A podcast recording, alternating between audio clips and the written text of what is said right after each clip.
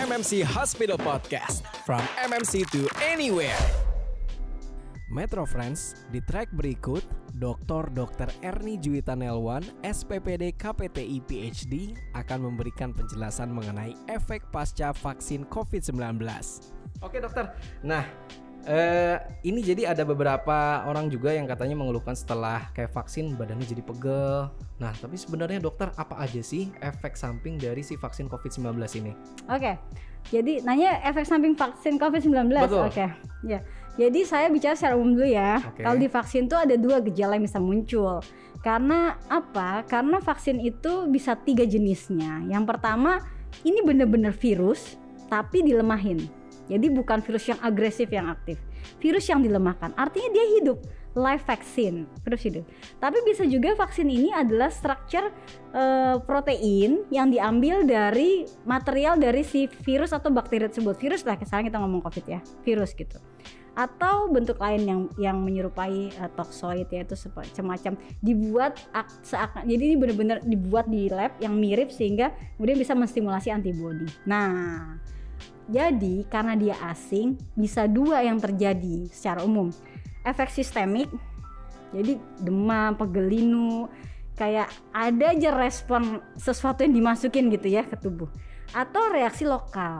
Kalau reaksi lokal biasa tergantung tempat suntikannya.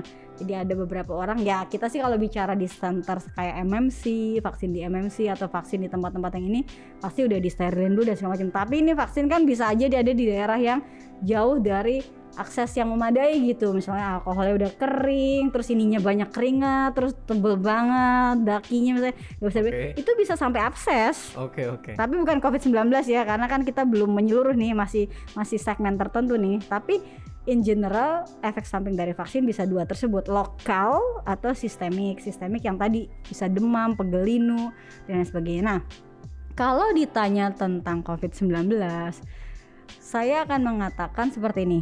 Eh, real datanya di masyarakat kita masih nunggu kan karena akan dicatat. Orang-orang divaksin itu kan kalau ada keluhan kan boleh melaporkan keluhannya kan. Jadi apa yang mereka rasakan. Tapi kalau dari eh, laporan penelitian yang sudah dikerjakan itu sejauh ini sih nggak ada gejala yang berat. Kecuali memang pada satu dua orang tuh memang bisa ya sampai cukup signifikan ya.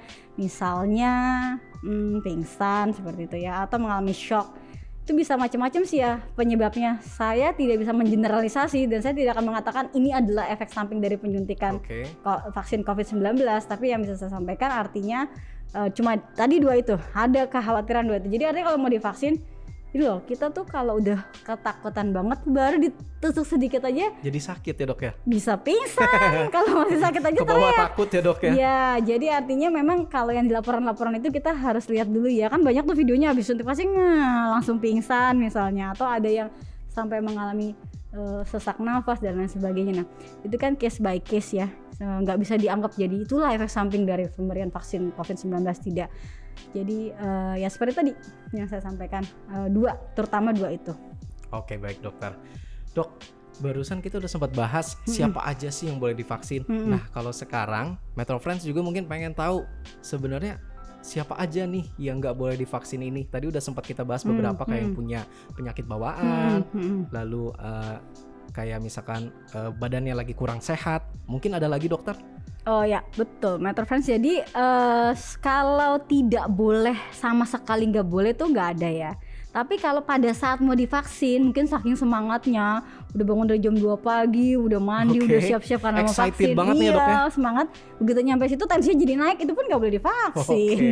Tuh, atau tensinya jadi kerendahan karena beberapa hari sebelum vaksinasi udah siap-siap nggak tidur-tidur tensinya Iya. jadi turun juga nggak boleh divaksin. Artinya sebenarnya gini tidak ada kontraindikasi mutlak. Arti- artinya udah pasti nggak boleh kamu udah pasti nggak ada harus dinilai dulu ya. Tapi pada orang-orang tertentu standar kalau alergi telur tuh biasanya harus hati-hati. Kalau ada hipersensitif terhadap hal-hal tertentu tuh harus hati-hati.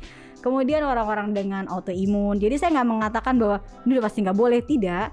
Tapi harus ada kehati-hatian. Sekali lagi semua tuh semua tuh bisa semua tuh bukan bisa diatur itu aturable ya bukan bukan semua bisa di bisa dijaga kehati-hatian bisa dipersiapkan dengan baik insya Allah bisa dipersiapkan dengan baik sehingga kalau memang ya kita spesial ada sesuatu ya harus konsultasi dulu gitu. Oke, amannya konsultasikan aja terlebih dahulu ya dokter Iya, ya. tapi nggak usah semuanya harus datang ke saya. tapi buat yang spesial, spesial, tapi semua merasa spesial ya. Metro Friends spesial spesial, semua Spesial ya. dong dokter.